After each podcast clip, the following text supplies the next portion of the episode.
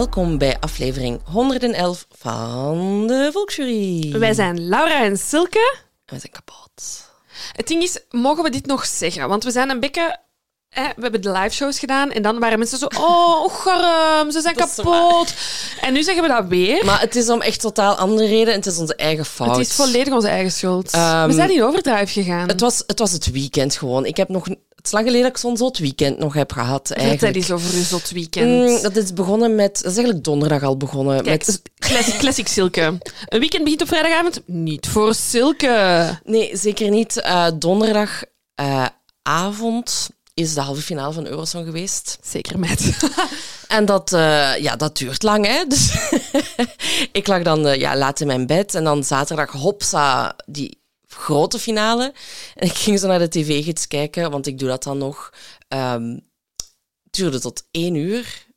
En ik zo, oh, maar ik moet morgen ook nog lang wakker zijn.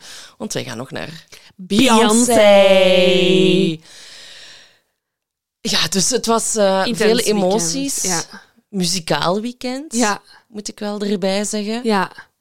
Super tof weekend. Korte samenvatting, Slay. Slay, slay, Gustav, slay. Slay, B, Slay. Ja, misschien moeten we niet te veel over Beyoncé zeggen, want voor de mensen die er niet bij waren, is dat misschien... Kijk, ik ga wel één ding zeggen. Er is een leven voor zondag 14 mei voor mij Mm. en er is een leven erna. Weet je wat het is? Ik ken Beyoncé, ik volg je al van dat ik tien jaar ben. Ik dacht echt legit dat jij ging zeggen, ik ken Beyoncé persoonlijk. Oh, was het maar zo. Maar toen wou ik echt heel graag dat dat mijn zus was. mijn zus. En genetisch is het mogelijk. Hè? Oh. Sinds we weten dat ze voorouders Ja, uit België ja, ja, ja, heeft. klopt. Ja, ja, ja. Klopt, klopt, klopt. Dus ja, bon, ik ben met die op, met mij opgegroeid en dan maar dan nu zo... Oh, het echt het beste wat ze ooit al gedaan Ja, ja, heeft. ja, want het, was voor ons alle twee ehm, niet eh, ons eerste B-concert. En toch is het, eh, heeft het al mijn verwachtingen overtroffen. Oh my. Ik, ik had wel wat dingen gezien hè, op TikTok, want dat Ja. gebeurt tegenwoordig allemaal. Zijn Ja. wij globaal alle tours aan het meemaken van alle artiesten? What the fuck is dat? En dan ben ik zo, hebben jullie gekeken naar onze vlogs en hebben jullie daar inspiratie op gedaan? Met? Ja, sowieso. TT en watching En you. eh, de Harry ook. en hè. Harry ook, ja, inderdaad. Voilà, voilà. Ik dacht, dus, maar eigenlijk vind ik dat wel tof dat we zo globaal commenten op elk concert en hoe dat afgegeven is op Zweden en hoe dat wij het dan beter. Ja, ik, vind het wel, ik vond het wel heel moeilijk, want ik wist dat haar concert aan woensdag was en ik wou graag gewoon de, de eh, setlist weten. Ehm, omdat ik wou weten wanneer ik naar het toilet kon gaan, omdat we wisten dat het drie uur ging duren. Dus dat artikel komt online, ik ben daar blij mee. Ehm, dan had er iemand een afspeellijst op Spotify gemaakt met eh, alle nummers die in haar setlist zaten. dat was prima voor mij. Ik zit daar op shuffle, dus ik wist ook... Allee, het- Je kende de nummers. ja, het was oké. En wij sturen elke dag TikToks naar elkaar. Ik heb nog eh, een vriendin, Margot, met wie ik ook heel tijd heen, een beetje hetzelfde, zo, geen tekst ertussen, Gewoon gewoon, zo. ja. En zij stuurt mij 's ochtends een bericht op WhatsApp. Jij weet dat heel dat concert al op TikTok staat. Wat is uw plan van aanpak? Want ook zij ging naar, zij ging naar Beyoncé. En ik zeg, oké, kijk, weet je, ik stop hier. Dus ik heb sinds woensdag mijn TikTok niet meer open gedaan, want ik wou niks zien. Mm. Dus ik heb wel op Instagram dan outfits gezien, hè, want zo alle grote modebladen hadden al haar outfits gepost. Maar dat was prima. Maar ik ben gisteren wel echt verrast geweest. Ja, ik ook nog. Ik heb zeker niet alles gezien, maar wat dat ik al gezien had, ik vond het dan ook geen teleurstelling om. Ik was niet teleurgesteld toen ik het dan alsnog zag. Ik was eigenlijk zo wel, oh yes, eindelijk zie ik het ook live. Mm, Oké. Dus ik was wel ook zo ehm, met de setlist. Normaal zoek ik dat inderdaad ook nooit op. En hier heb ik heel lang getwijfeld, ga ik het opzoeken of niet opzoeken. Maar ik was uiteindelijk wel blij dat ik het gedaan had, Ja. zodat ik ook wist, dan, ga, dan is het gedaan. En dat ik ook niet teleurgesteld ging zijn als ik daar stond en dan bijvoorbeeld, oh, ze heeft Halo niet gespeeld en ben ik super teleurgesteld. Ja, ik wist het al op voorhand. Laten we het daar even over hebben, hè, want dat is inderdaad toen de setlist. Ik, ik, ik- en ik weet niet, dat is zelfs niet eens mijn favoriet Beyoncé-nummer. Totaal niet. Maar je zag het al hè, in het Koning Boudewijn Ik Stadion. zag het gewoon, ik dacht die gaat dat timen op Sunset. Maar ja, niet. Dus dat is mijn enige gemis of zo. Mm. Ehm, maar bon, dat, ze heeft daar nul punten mee verloren. Maar ik ben wel five blij, want ik heb dus niks gezien. En ik ga nu wel het concert herbeleven, want ik ga dus nu TikTok terug openen. En nu ga ik wel zo wat zoeken op de Ik hashtag. heb echt al de hele dag eh, filmpjes gezien van Beyoncé in Brussel. En de vibe, mensen, iedereen die erbij was. Goed gedaan, meiden. Goed gedaan. Allemaal. Ja. Allemaal goed gedanst, goed meegebruld. Ja, ja. Echt goed gedaan. Was leuk, tof. Maar daardoor hadden wij eigenlijk, ja, Een, iets een praktisch probleem. ja, wel een praktisch probleem, want we weten allemaal wat er op zondagavond op de planning stond. Ehm, ja, de mol. Dus wat hebben wij echt net nog gedaan voordat wij hier aan begonnen? Jawel, de aller, aller, aller, allerlaatste aflevering van de mol gekeken. En oh Ja. my god. ik, ja, bon, proficiat, hè. Dat, dat is eigenlijk het eerste wat dat er moet gezegd worden over de mol. ik wist het weer. Lara wist het en ehm, heel funny, want echt zo vijf seconden voordat het licht ging branden bij Lancelot, wist Ja. ik, Lancelot heeft gewonnen, Commie is de mol. Echt? ja, ik voelde het. Ik, ik, ja, ik wist echt dat ik fout had, maar ik, ja, ik had het natuurlijk in de vorige Ja. aflevering gezegd. Ik dacht, ja, ik ga daar nu niet van, van afwijken. Maar echt zo vijf seconden voor, allee, echt zo, ik ga niet juist zitten. Hmm, ja, Dus proficiat. dankjewel. Ik vind heel... Ja, ik bedoel, Lancelot, jij topper. Goed gedaan. Amai. Maar uiteraard vind ik het heel jammer dat Toos niet heeft gewonnen. Ik gunde het hem zo hard. En nu nog meer, sinds we nu de laatste aflevering hebben gezien. En eigenlijk als eerste op commie zat. Aflevering 4 al, hè, als ik het Ja, goed heb. ja echt ehm, crazy. Die finale, ik heb hartkloppingen gehad. Ik heb echt in mijn hand zitten bijten. Het was zo'n spannende aflevering. Annick en ik hebben elkaars hand vastgehouden. drama, drama. Oh. Ja, ja, ja. Ehm, amai, het zat weer supergoed in elkaar. Het, het zat echt fantastisch in elkaar. Ehm, die live tv-uitzending was hilarisch. Ehm, Ik had toen even een, een... Toen heb ik een, een schrikje gepakt toen dat ze Commie alleen het weerbericht lieten doen. En ik dacht, oh, dat zouden ze nooit doen. Maar anderzijds, in die laatste aflevering, je zit in de finale. Ik denk dat het je dan niet meer uitmaakt en dat je echt zoiets hebt van, pff, ik doe wat ik wil. Mhm, Ook voor mij als kandidaat is dit mijn laatste aflevering. Het gemol Ah, maakt ja, mij niet meer ze, uit. ze wisten het toch al, inderdaad. Ja, voor Ja. het geld. Het enige wat ik nu in de eh, terugkomaflevering een beetje miste, is ik had graag geweten of dat Lancelot en Toos het van elkaar uiteindelijk wisten. Of wanneer dat iedereen zo wat wist, die is het juist. Ja, interessant. Dat had ik graag ja, nog Misschien heeft dat echt zo voor zichzelf gehouden en, en Ja, ja, het niet allee, ja, gebluft hè, of zo. ja. Maar ja, Comfort, zo goed gedaan. Ja, Mensen hebben nu zo lang niet in toog gehad. nee. bedoel, Nee. En als je er nu terug naar... Ja, maar Gilles zei het ook in de aflevering. Hè, als je er nu achteraf naar terugkijkt, dan denk je... Ja, tuurlijk. En uw gezichtsexpressies, commie... Oh.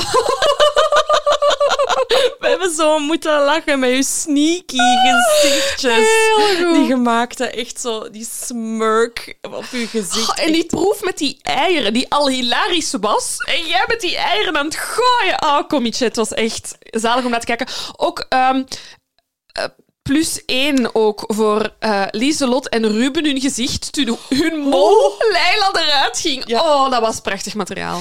En ik moet dan toch nog even terugkomen op het debacle van ehm, het rode scherm. Want ik heb daar de vorige aflevering serieus op zitten afgeven. Ik was er niet mee akkoord. Maar was ik even het spelelement vergeten.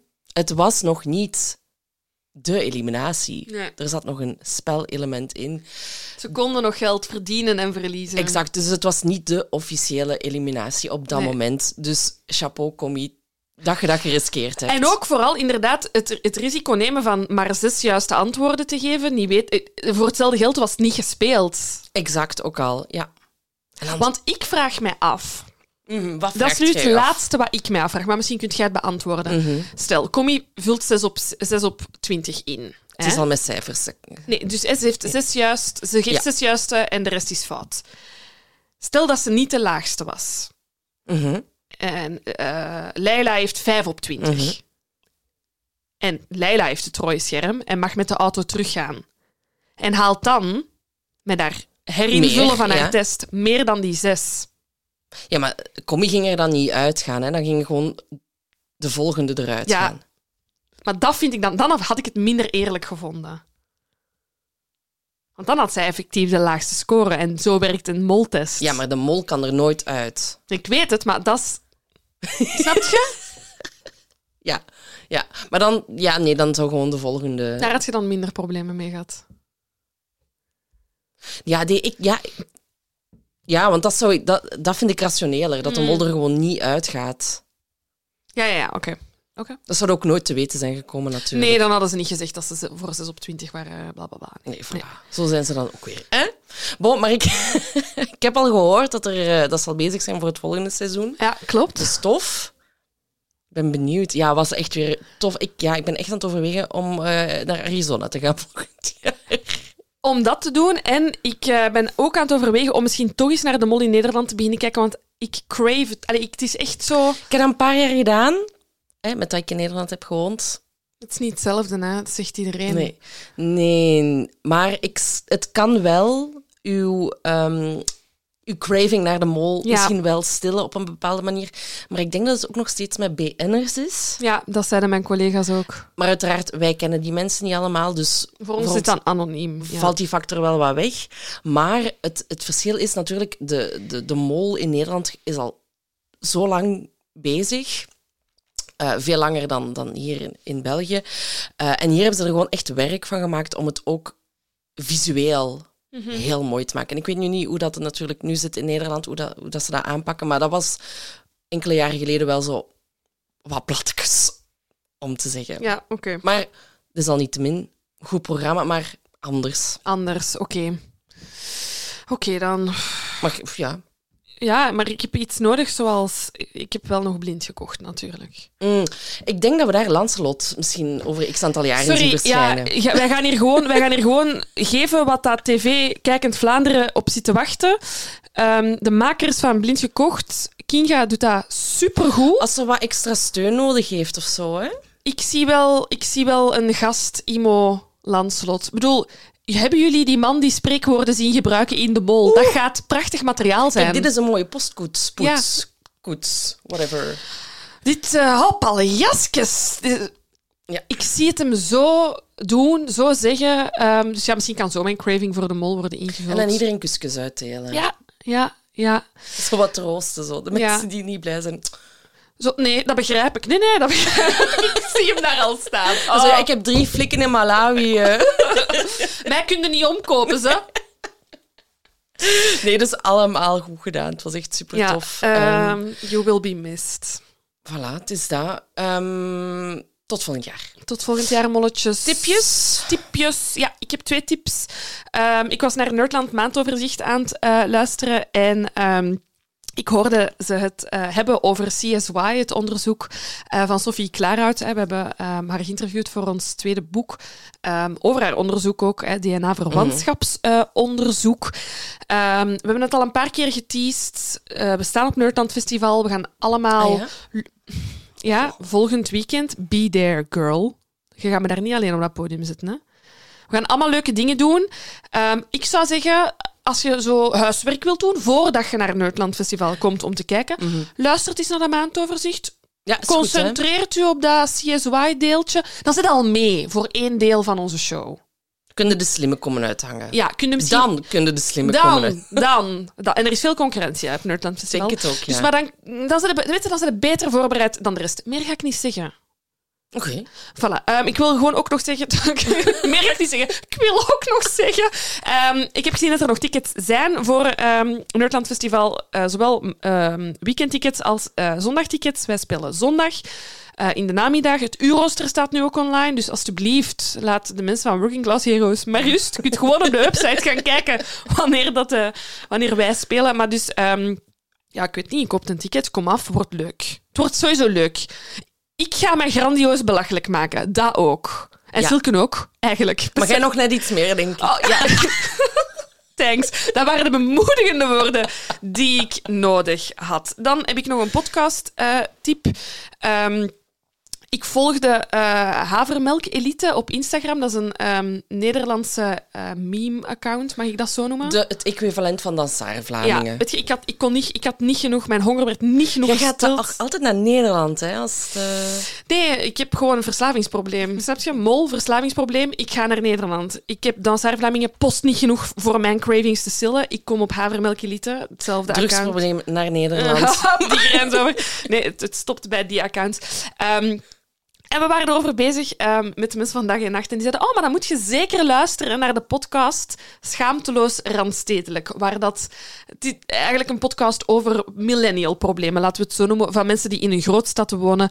Ehm, maar ik, ik, je moet niet per se in een grootstad wonen. Niet per se in Amsterdam wonen. Het gaat echt over... het. Het gaat over havermelktekorten en woon, wonings... Het drama, het ja, drama. Ja, en, en eh, woningprijzen en... ehm, ze steken enerzijds de draak, de draak met alles wat dat wij millennials leuk vinden.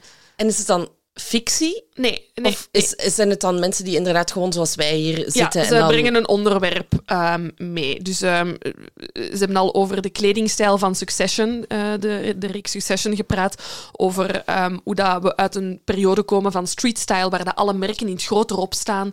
Terwijl dat nu mensen, eh, wat Gwyneth Paltrow ook in de rechtszaak heeft gedaan, een, een grijs truitje draagt waarvan dat je denkt, oh, het kan van de Zara zijn, maar blijkt dan een trui van 2000 euro. Waarom koopt je zo'n dure trui die er zo basic uit?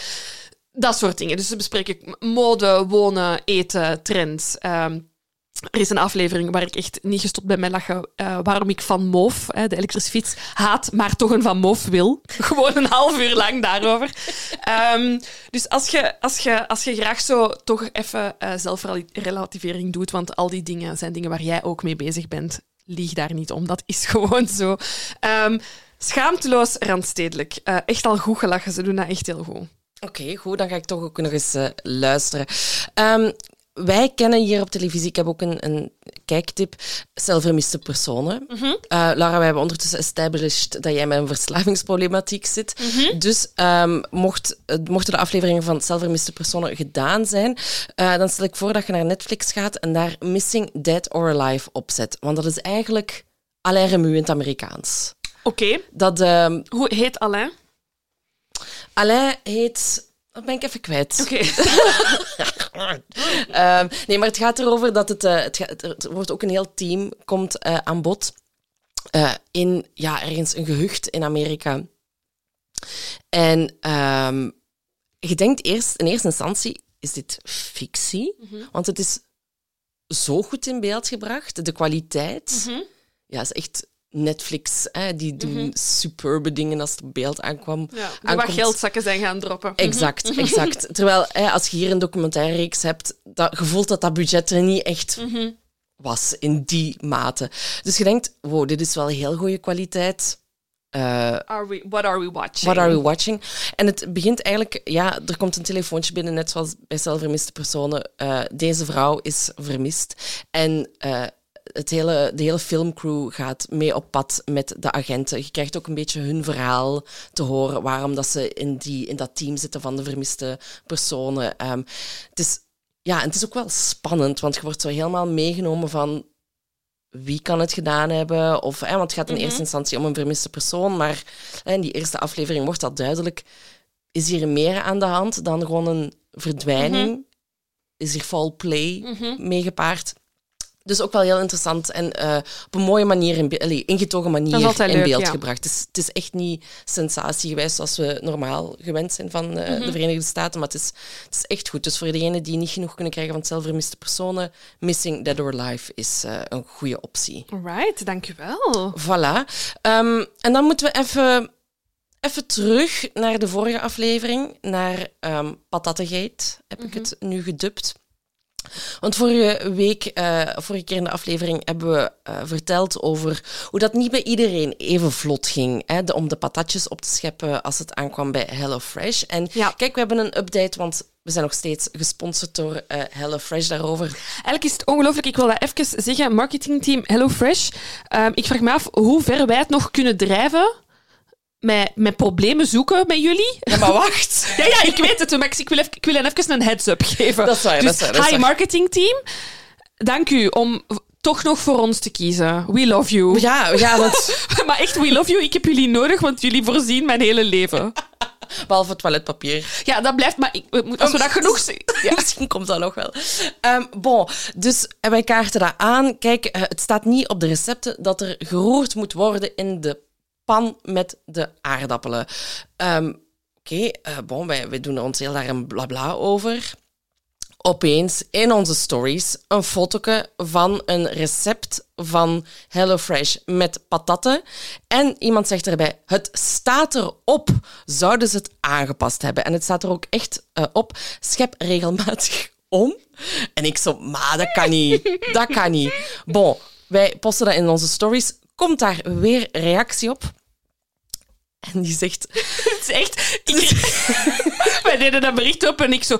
Oh nee, oh nee. Oh, wat hebben we gedaan? Wat hebben we gedaan? Hey Laura en Silke, ik werk voor HelloFresh. En hij zo... Uh, en ik heb dit eens nagevraagd bij mijn collega die de receptkaarten voor België aanpast. En er werd inderdaad een review ingestuurd met de suggestie om de aardappelen te laten omscheppen. Dat kan dus zeker en vast door jullie opmerking komen. Ja, you're welcome, guys. Kijk, um, HelloFresh en de Volksjury maken van deze wereld een betere patatgebakken wereld. dat is het enige wat ik daarover of gebakken Weet je, gekokte patatten moeten niet roeren. Dus dat recept moeten ze alvast niet aanpassen. Nee, nee, nee. nee. Maar die gebakken patatjes... Allee, je, wilt toch dat ze krokant zijn, maar aan beide kanten. Hè, het liefst. Er is niks zo irritant als gebakken patatten die langs één kant gebakken zijn en dan zo omgeschept, duidelijk, en dan het vuur afgezet. En dat je zo denkt... Nee. Want dan zijn die zo nog... Ja, ik doe het zo wak. En dat willen we niet.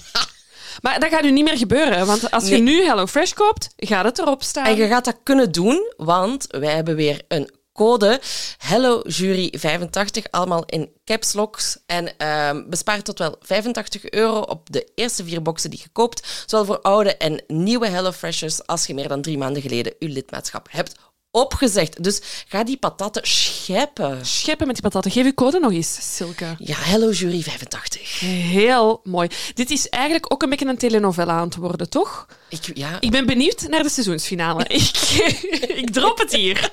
Thuis, take hints. Stuur ons comments. Wat denk jij dat er gaat gebeuren in de seizoensfinale van HelloFresh de Volksjury? Oké. De saga continues. De saga continues. Tot volgende week. Um, en dan kregen we een bericht binnen voor nieuwe sponsoring. En um, het is eentje die al super lang op mijn wishlist stond. Ik heb er de week ervoor met vriendinnen een gans gesprek over gehad. En ik had echt waar, ik meen het, bijna naar Roos sorry Roos, die dat onze uh, sponsoring regelt, uh, gemaild. Sorry Roos, kunnen we eens even checken bij de mensen van AirUp? Want ik zie ze overal op de Instagram bij de influencers. Mhm, ja, ja, ja, absoluut. Ik zie influencers die, die heel overtuigd zijn. En ik denk, zijn jullie aan het acteren? Hoe komt het dat, dat, dat Arab nog niet naar, naar bij ons is gekomen? En toen kwam de mail binnen. Ik zag het in het onderwerp al staan. Nieuwe adverteerder. Arab. Zien jullie dit zitten? Zeker wel. Wat ik normaal doe, want wij zijn met twee, wij zijn 50-50. Normaal stuur ik, hey Silke, heb je dit gezien? Of we overleggen even met twee. Ik heb gewoon de vaart vooruit en echt gewoon in caps lock in onze groep gezet. Oh my god, yes. Eindelijk Arab. Goed, uh, voor uh, de mensen die, want ik tot, tot voor kort wist ik ook niet wie Arab is of wat Arab is. Um, ik zal even wat achtergrondinformatie geven. Arab is een waterfles en die geeft watersmaak enkel en alleen door geur. Dus geen suiker, geen toevoeging, geen zever. Water, plat of bruis, met een smaak. Magic. Ja, het ding is, ja, ik ben, ik ben psyched. Ik weet het, ik ben eigenlijk nu al judged, want zoiets voor mij, dat kan ik niet aan. Snap je? Mhm. Ik proef met mijn mond en ik weet dat uw neus daar iets mee te maken heeft, maar I call bullshit dat je water een smaak kunt geven. Fijn, die mensen leggen mij uit dat dat komt. Hoe komt dat dat dat werkt? Wel, Silke, weet jij dat? 80% van wat we proeven komt door uw neus. En ik zo, ja, dat, ik, ik ben zo nog altijd, nee, dat kan niet. Weet je, ik geloof u niet. En dan, echt super duidelijk, hè, tijdens eten en drinken komt er geur in uw neus terecht en zo proeft je. Je kan het merken wanneer je verkouden bent of corona had. en toen dacht ik, oh my god, ja! Daardoor proefden wij niks, omdat dat eigenlijk echt op je lucht en op je neus zat. Ja, corona zat niet op je tong, hè? Nee, dank u, Silke. Ik wist het niet, oké? De mensen van Arab hebben het mij moeten uh, leren. Dus het is op dat principe gebaseerd, namelijk dat je voldoende hebt mhm. eigenlijk aan de geur um, om van start te gaan.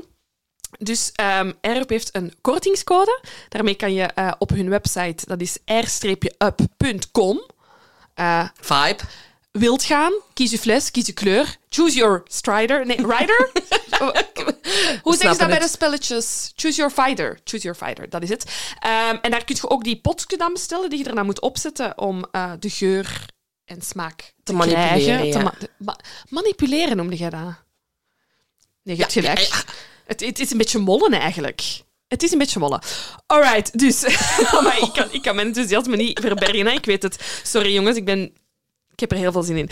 Ehm, dus op de website air-up.com met onze code de Volksjury 10 in hoofdletters. Ik weet niet of dat belangrijk is, maar doe dat maar gewoon voor lol.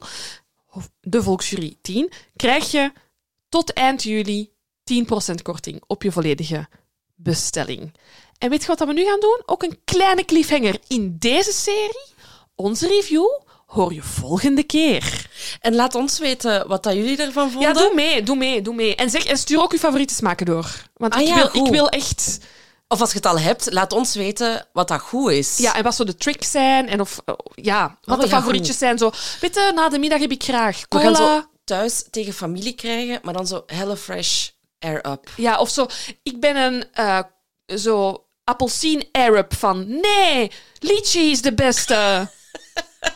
Ja, goed. Laat het, we gaan zien hoe dat het zich Ja, uitspeelt ook allemaal. hier zal een seizoensfinale zijn bij de Arab. Ja, Oké, ik ga het nog één keer zeggen. r-up.com met, de, met de, onze code, de Volksjury 10. Ja, sorry mannen, als ik enthousiast ben, dan vertel ik alles doorheen. je kunt altijd een keer terugspoelen als het niet is duidelijk dat. En in onze show notes staan ook altijd de codes. Ook mensen die dat dan zo vragen, ah, ik heb het niet opgeschreven, dat staat in onze show Ja, notes. ja, ja. je... Kijk, wie, wij denken aan jullie. We love you. Oké, dus volgende keer een update. Wat wij vinden van Arab. Jesus Christ. ik weet het, maar ik ben zo blij. Ik ben zo blij. Allee, ik ben content dat jij blij bent. Zullen we gewoon aan de aflevering beginnen? Ook daar heb ik heel veel zin in. Ah, toch? Ja, Oké, goed. Ik heb gekozen. ik weet het. En Daar is ook heel blij over. jij stuurde het door en ik was fuck yeah, de dag nadat we naar Beyoncé gaan. Ja, goed hè. Ehm, ik heb dus gekozen voor eh Selena te doen. Ehm, En nu al die Selena Gomez-fans. Oh my god, wat is er gebeurd? nee, met Selena Gomez is alles oké, she fine. Ehm, maar eh, we moeten terug wat naar het verleden. Ehm, Er was een Amerikaanse superster in de jaren 80, 90, ehm, die ja, uiteindelijk op haar 23ste op tragische wijze om het leven is gekomen. We gaan haar levensverhaal nu vertellen. En ik heb haar verhaal eigenlijk leren kennen door Selena, the movie, met niemand anders dan Jennifer Lopez. En ik, dat is een film uit 97, dus ik zal niet veel ouder geweest zijn dat die dan op televisie kwam. Dus ik zal een jaar of tien geweest zijn. En dat staat in mijn geheugen gegrift, die film. Ik zie echt bepaalde scènes nog voor mij. En ik had nu de trailer eh, nog eens opgezet. Ik denk, ja, zo, ook zo het kleurenschema of zo. ik zag het zo Dat is, allemaal. dat is nog multicolor waarschijnlijk. Ja, allemaal ehm, eh, voor mij. En dat, is, dat staat al heel lang op mijn lijstje. En ik dacht, het is tijd ehm, om het eens te doen. En ik heb een paar nummers ondertussen waar ik super hard fan van ben, van Selena. En als je niet weet wie dat is, misschien nu even pauze zetten. Ik ga een paar nummertjes zeggen. Spotify, even zoek ze op, luister even. Het eerste is eh, Amor Prohibido. Dat is mijn favoriet. Dat is goed, hè? Ik kan dit echt ook niet uitspreken. Maar tweede is El Chico del Apartamento Cinco Dos. 512 in De boy van appartement 52. Ja, ja, ja, ja. En Bidi Bidi Bom Bom. Geen vertaling nodig. Maar ik heb ook zoiets van, kijk, het, is, het wordt bijna zomer. En als je Buena Vista Social Club een beetje beu bent, dit is de Al drie jaar. Dit is de ideale vervanger, eh Selina. Zet daarop als je een tuinfeestje of whatever hebt. Ik vind, en dat is, dan een, dat is dan een vraag voor alle grote sterren en ook alle ehm, DJ's, zoals uh, sorry, Dimitri Vegas en Like Mike. Uh, wie hebben we zo nog in België? Lost Frequencies, Netsky. Deze vraag is voor jullie. Hoe lang gaat het duren dat iemand is... Er worden zoveel remixen gemaakt van jaren 90 nummers. Hè. We hebben I'm Blue gehad, die I'm Good vorige zomer werd. Ik heb nu gehoord dat die Anne-Marie ook zo een 90s cover heeft. Maar iedereen heeft een 90s cover. Waar blijft mijn Selena met een beat? Amor Prohibido. Echt waar, ik wil het. Check het ook alstublieft op YouTube. De clip die erbij hoort, het zou vandaag gemaakt kunnen zijn. En goud waard. Gewoon goud waard. Echt waar. En van mij mag er wel eens een Selena remix komen. Oh, heel graag, heel graag, heel graag. Dus, dus at alle DJ's. Er luistert sowieso geen enkele DJ naar ons. Daar twijfel ik nu eens geen minuut Jij vraagt aan. straks zo aan Lucas. Oh, he would die. He would die. Nee, hij zegt zo, eh, zijn er vocals in dit nummer? Nee, ik doe het niet. Bidi bidi bam bam. Dat is echt, zijn- dat is echt zijn vibe, hè? Dat is echt zijn vibe. Ai, ai, ai. Bon, bon, bon. Eh, maar jij kende de zaak ook al, hè? Ja, ze stond ook al een tijdje op mijn lijst. Een beetje met dezelfde redenen als jij. Ik heb nostalgie naar eh, haar als figuur. Ehm, en ik, heb het, ik denk dat ik het wel al in een paar podcasts had gehoord. Ja. Ehm, ik heb de film wel nooit gezien. Oh, dan gaan we hem samen kijken. Ja. Gaan we hem samen Ja. kijken? Ja, Ja, is goed. oké. Oké. Maar dan gaan we eraan beginnen. Ehm, we gaan chronologisch eigenlijk eh, te werk gaan. Dus we beginnen uiteraard met haar geboorte. Alright. Selena Quintan... Selena Quintanilla Perez, ik heb het er fonetisch bij geschreven, wordt eh, geboren op 16 april 1971 in Texas. Haar mama, Marcella, stamt af van de Cherokee Native Americans en haar vader, Abraham, is een Mexicaans-Amerikaan. Eh, en ze heeft ook nog een broer die ook Abraham heet en een zus Suzette. Ik zou echt even graag met die ouders willen spreken. Ik begrijp dat Abraham, Abraham junior, snap ik. Maar dan Selena, wat dat dan vrij Latino is. En dan Suzette. Ik wil even weten, waar is die kronkel? Dus Abraham is dan van... Dat is vrij Amerikaans, dan Abraham Lincoln, zo denk ik dan. En Selena heeft dan zo bij die Latino-roots. Maar hoe zijn ze bij Suzette uitgekomen? Het is wel een schone naam, Nee, vind ik. goed, maar ik vind Ja. alle drie zeer gevarieerd Ja, hè, in ja, combo. Ja. Is Misschien is, misschien is dat de, de moeder van Marcella. Suzette kan ook natuurlijk. Hè. Ja, ja, ja. Ah, Ik denk maar hardop. Misschien zit ik- het in, aan die kant van Ik de zeg familie. niet dat je alles moet coördinaten, maar ik, ik zag die drie namen en ik dacht, hm, benieuwd naar het verhaal erachter.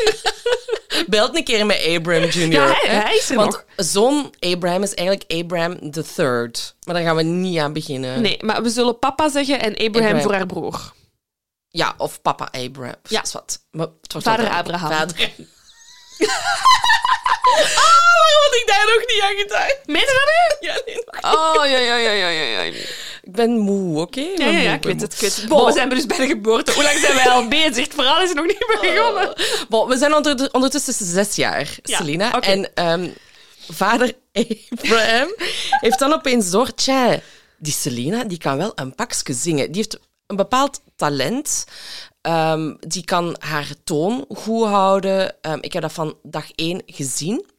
En vader Abraham is ook nog zelf muzikant geweest, dus die wist wel waar dat hij het over had. Ehm, nu, in 1980, hè, dus wanneer Selena negen jaar oud is, opent... eh, ik kan niet de hele tijd vader Abraham blijven zeggen. Abraham Jr. een Tex-Mex restaurant, Papa Gajos. En wat doet hij om zo wat volk te lokken? Hij zet Selena, haar broer en haar zus daar op een podium. Selena zong, Abraham III speelde basgitaar en Suzette speelde op de drum. Ja. Maar helaas, een jaar later moest dat restaurant alweer dicht vanwege de recessie. Ja, oliecrisis in eh, de Verenigde Staten. Ik vind het jammer dat je de naam van de band niet eh, aanhaalt. Ik ga dat Ah, daar doen. ging ik nog op komen, maar alleen vooruit. Schoon om te laten liggen, hè. Selena y los Dinos. Oh, maar ook met zo'n beetje... Je hebt daarop geoefend, denk ik. Ja, kijk. Het is goed, is goed. Jij weet toch dat ik Spaanse roots heb? Dat is niet waar. Oké, geloofde ik ook sorry, geen sorry, seconde. Sorry, sorry. Maar dus, eh, je hebt gezegd, het restaurant is inderdaad helaas moeten sluiten. Eh, de familie moet eh filen voor bankruptcy en ehm, moeten dus ook verhuizen. Ze verhuizen naar Corpus Christi die naam. in Texas. Vibe. Ehm, en ja, met hun bron van inkomsten dat wegvalt, het restaurant, beslist de familie om zich volledig op Selena y los Dinos te smijten. Ehm, de band begint aan de opname van professioneel... eh allee, willen professioneel een plaat opnemen. En in 1984 is het zover, want ze releasen hun eerste LP in een klein... ehm, in een, eh, kleine, bij kleine platenfirma, onafhankelijk, dus nog niet groot eh, getekend. Ehm heb het al gehad over de, het muziekgenre dat ze spelen? Nee, maar ik zou het graag nog heel even... Een klein mini-stapje terug. Ik vind het ook echt heel goed. Dus we, we zeggen in het begin van de aflevering, ja, maar we gaan het levensverhaal, we gaan dat chronologisch vertellen. Ja, maar ik ben nog chronologisch Nee, nee, bezig. maar, maar we zijn nu alle twee heel chaotisch. Maar ik vind dat goed. Ik, het is goed. Nee, nee. Ik wil gewoon nog even snel dan zeggen van kijk, die, ehm, dat bandje dat ze vormden, dat was Ja. echt het hoofdinkomen van het gezin op dat moment. Er was niks anders. Ehm, maar Abraham die blijft wel geloven in de carrière van Selena Ilos Dinos. Dat die, die ziet daar een oude bus, die denkt, dat ga ik kopen. Eh, Big Bertha noemen we die bus en we gaan daarmee toeren. Ups, heel Texas rond. En eh, ze zingen dus eigenlijk alleen maar om ervoor te zorgen dat ze eten kunnen kopen. En ze hebben dan die bus, maar ze hebben wel amper benzine. Gewoon even de situatie schetsen. Dat, is het. Dat is oké. En dan gaan ze die LP opnemen. Ja, en dus ik had gewoon nog eens even kort opgeschreven dat muziekgenre, wat dat, dat was. Mhm. Ehm, omdat dat, ik kende dat niet, de naam. Dus dat heet, te, ik, ik ga gokken, Tejano. Ja, ik heb het in Google Translate. En dat klonk Ja, zo. het klonk zoiets, Dat- ja. zo ja, 90 procent. Ehm, en het was eigenlijk op... eh, dat, dat is ontstaan... We zitten niet in Texas, dat is de grens eigenlijk eh, met Mexico. Omdat dat een grensstaat is, dat is dat een staat waar dat er ehm, heel veel mixed huwelijken zijn, waar dat, eh, de Amerikaanse mensen en de Mexicaanse mensen met elkaar gemengd zijn. En dus je krijgt mixed... Wat ben ik, het, ik ben het met handgebaren aan het ja, ja, uitleggen. maar hè. ja, ja, ga continu. Dus die invloed van ehm, enerzijds eh, Latino-muziek, maar anderzijds ook wel Amerikaanse muziek, vormt samen dat Tejano-muziekgenre. Ik heb zelfs daar nog, toch nog een kleine aanvulling op, want het, gaat zelfs, ehm, het zijn zelfs Duitse en Tsjechische invloeden die... Omdat je Amerikanen geen Amerikanen zijn. Nee, voilà, het zijn mensen die, Ja. die geëmigreerd zijn naar de Verenigde Staten, maar dat gaat dan zo over genres als de polka en de wals. Dus dat zit Ah. daarin vermengd. Dus als je bij, naar Selena luistert en je hoort bijvoorbeeld die accordeon, Ja? classic eh, German en Tsjechische Ja? invloeden bijvoorbeeld. Ah ja, ik, ik, ik, moest, ik moet dan vooral aan die mariachi-bands denken. Ook ja, maar het is, ik denk, slagerfestival, maar dan Latino. Ja, maar op een goede, ik bedoel, dat is op een goede Nee, manier. ik weet het, maar ik vind het grappig. Maar dan op een, dan op een, op een Mexicaanse Ja, ja. manier. Ja. Nee, nee, kijk goed. Ik bedoel, ik ben verkocht, hè. mij moet je niet meer overtuigen hè, Voilà, voilà, voilà. van de Tejano's. En wat ik daar ook nog opmerkelijk vind aan de muziek die Selena maakt, Ja? is dat, dat, dat, dat me- die meid die spreekt geen woord Spaans. Dat vind ik absurd, hè? want dus, eh, inderdaad, haar vader is eh, van Mexicaanse origine. En zelfs hij spreekt geen vloeiend Spaans meer. Ah, dat kan, dat, ja, dat weet ik niet. Maar, maar hij zegt wel tegen Selena, meid, jij gaat in de Gano-muziek, jij gaat dat doen, want dit is super populaire muziek. Mhm. Ja. En ik leer het u wel fonetisch aan het Spaans, maar het moet dan ook nog Mexicaans-Spaans zijn. Ja, want anders gaat het moet niet goed, ja. aanslaan in Mexico. Dus meid, eh, hier You is de better fonetische work, tekst. bitch. Ja, Absoluut. ja, dus insane gewoon. En wat ik zot vind is, dus dat was op dat moment, eind jaren 80, begin jaren 90, het populairste genre muziek van Latino. Hè. Dus nu heb je de eh, pop, lat, allee, Latino popmuziek. Eh, bijvoorbeeld. Ja, Of- ja, eh, ja. reggaeton. En Tejano is een term dat ik nu... Dat, en helaas bestaat het genre ook amper nog. Maar toen, eind jaren 80, begin jaren 90, was dat gewoon het meest populaire muziekgenre. Ja, en goed. Oh, ik ben er echt goed op gegaan de afgelopen dagen tijdens mijn research. Ik zeg, het is echt vibe voor als je een tuinfeest geeft Exact dat. en je wilt wat toffe feestelijke muziek. Dit is het. Dit is het. Maar het, het enige probleem natuurlijk wel, Selena is een vrouw. Ja. En de Ghana-muziek is dat op dat moment zeer male-dominated. Mhm. Dus de Texaanse clubs zijn ook niet echt happig om die band, Selena y Los Dinos, ondanks het feit dat ze een LP hebben opgenomen, Mhm. Ja. eh, uit te nodigen om te Ja. laten komen spelen. Niemand gelooft er eigenlijk echt in, in wat Nee. dat Selena aan het eh, doen is. Ehm, maar kijk, de aanhouder wint. Ja, want in 1987 wint ze op de Tejano Music Awards de Female Vocalist of the Year. En aan die prijs eh, hangt naamsbekendheid vast en dat betekent een grotere recorddeal. En ze sluit een deal met Capital Emmy. Emmy bestaat vandaag ook nog altijd, de Capital Records ook. Ehm, de Latin afdeling, eh, Ja, ja. zeg maar. Eh, en dat contract tekent ze in 1889. Ze is dan 15 jaar oud. 15? Ik at chips op de bus als ik 15 was. Dat is uh, dingetje van Eurosong, Sandra Kim.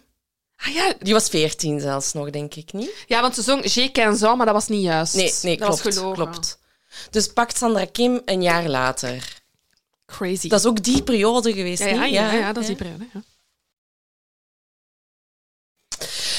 Um, nu, het, um, dat jaar uh, is haar debuutplaat dus uitgekomen, Selena. Mm -hmm. Maar aan de andere kant wordt er ook nog iets leuk toegevoegd uh, in haar leven. Want een zekere Chris Perez uh, komt erbij. En um, dat is de nieuwe gitarist van de band. Mm -hmm. En Chris die begint zo snel gevoelens te ontwikkelen voor Selena. Ik, nu dat ik het zo zeg en weet dat Selena op dat moment 15 is, denk ik... Ik weet niet hoe oud hoe Chris oud is. is hij? Nee, ja, ik heb het ook niet opgezocht. Maar bon, uh, ja, dat is goed. Uh, Chris heeft op dat moment nog een lief in San Antonio zitten. En hij probeert zijn gevoelens wel te onderdrukken voor haar. Maar hij vond het zo moeilijk. Classic Romeo en Julia. Hij vond het zo moeilijk uh, om, om, om geen relatie met haar op te bouwen. En dan uiteindelijk in een pizza hut hebben ze elkaar bekend.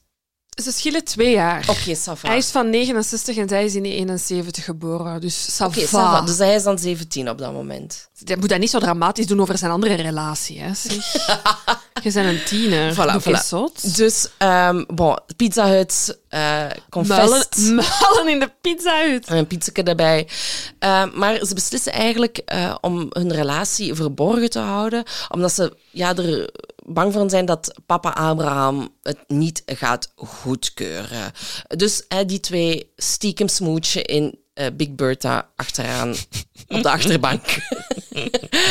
en dan in 1999 uiteindelijk komt uh, Selena's tweede album uit. Dus het gaat echt supergoed. Hè? Ze is opeens een internationale ster, zowel in Mexico als in de Verenigde Staten. Oké, okay, we hadden even een break, omdat ik blijkbaar 1999 had zitten. Maar ik bedoelde sorry, 1990. Sorry, nee, sorry, dat is echt super. Moet zijn. Uh, dus in 1990 komt haar tweede album uit.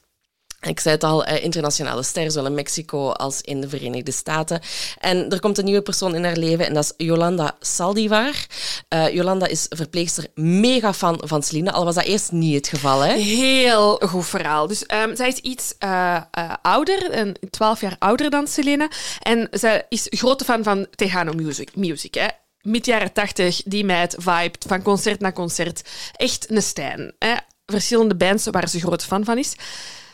En wanneer Selena in de business komt en, en met haar muziek begint op te komen, heeft Jolanda zoiets van: wie denkt hij wel dat hij is? Hè? Selena wint verschillende awards in de plaats van bands waar Jolanda initieel grote fan van was. En heeft zoiets van zich snatching all the Mhm. prizes. Beetje de Kanye bij de Taylor. Ja, echt van: who are you? Jij verdient dit niet. Mhm. Maar je moet Jolanda geven wat ze, wie ze is. Midden jaren 91 heeft ze zoiets van, weet je wat, ik ga een keer polshoogte gaan nemen. En ze neemt haar nichtje mee naar een van de concerten van Selena in San Antonio, Texas. En ze denkt, weet je wat, even met de open blik, we begraven de strijdbijl. En ze kijkt naar dat concert en ze is verkocht. Selena komt op dat podium, de presence dat ze heeft, haar stem, Alles, totaalpakket. het totaalpakket klopt en Jolanda keert haar kar. De dag na het concert gaat ze op zoek naar merch. Mhm. Ze heeft zoiets van, bon, dat concert gisteren dat heeft mijn leven veranderd. Waar is het winkeltje? Waar kan ik de klakjes vinden? Waar kan ik de truien vinden? Een lanyard, desnoods. Een magneet. Iets. Mhm, Ik iets. moet iets van die Selena hebben. Maar ze vindt niks. En dan denkt Jolanda, tja, dat is een gat in de markt. Jolanda blijkt eigenlijk een West-Vlaamse te zijn. Die zegt, ze hebben het nog niet, misschien moet ik het doen. Ja. En daar is er wat discussie over. Eh, Jolanda vertelt daarover, ja, ik heb dan eh, drie keer eh, naar de manager van de band, Papa Adra- Abraham, gebeld. Papa Abraham zegt daarover, die heeft mij 15 keer gebeld. Dus daar is al een kleine disruptie. Maar bon, papa Abraham, Abraham neemt de telefoon op. En ehm ons Jolanda doet daar verhaal en zegt, kijk, zou het geen goed idee zijn ehm, dat er een fanclub ontstaat van Selena? Bon, je verkoopt hier concerten uit, maar je hebt geen t-shirts. Maar allee, hoezo is daar ook nog niet over nagedacht? Celine is toch niet de eerste ster die merch zou kunnen verkopen? Ik moet zeggen, ik ken het verhaal van Selena, maar ik heb veel geleerd van. Maar dat komt allemaal nog later, maar ze is in heel veel dingen de pionier geweest. Blijkbaar ook in de merch. Oké, kijk, ja, voilà. Dus elke t-shirt van Beyoncé dat gisteren verkocht is, dankzij Selena. Selena. Ja. Dus, ehm, en Jolanda heeft echt een plan van aanpak. Die heeft gewoon van, eh, het is, eh, of course, love the 90s.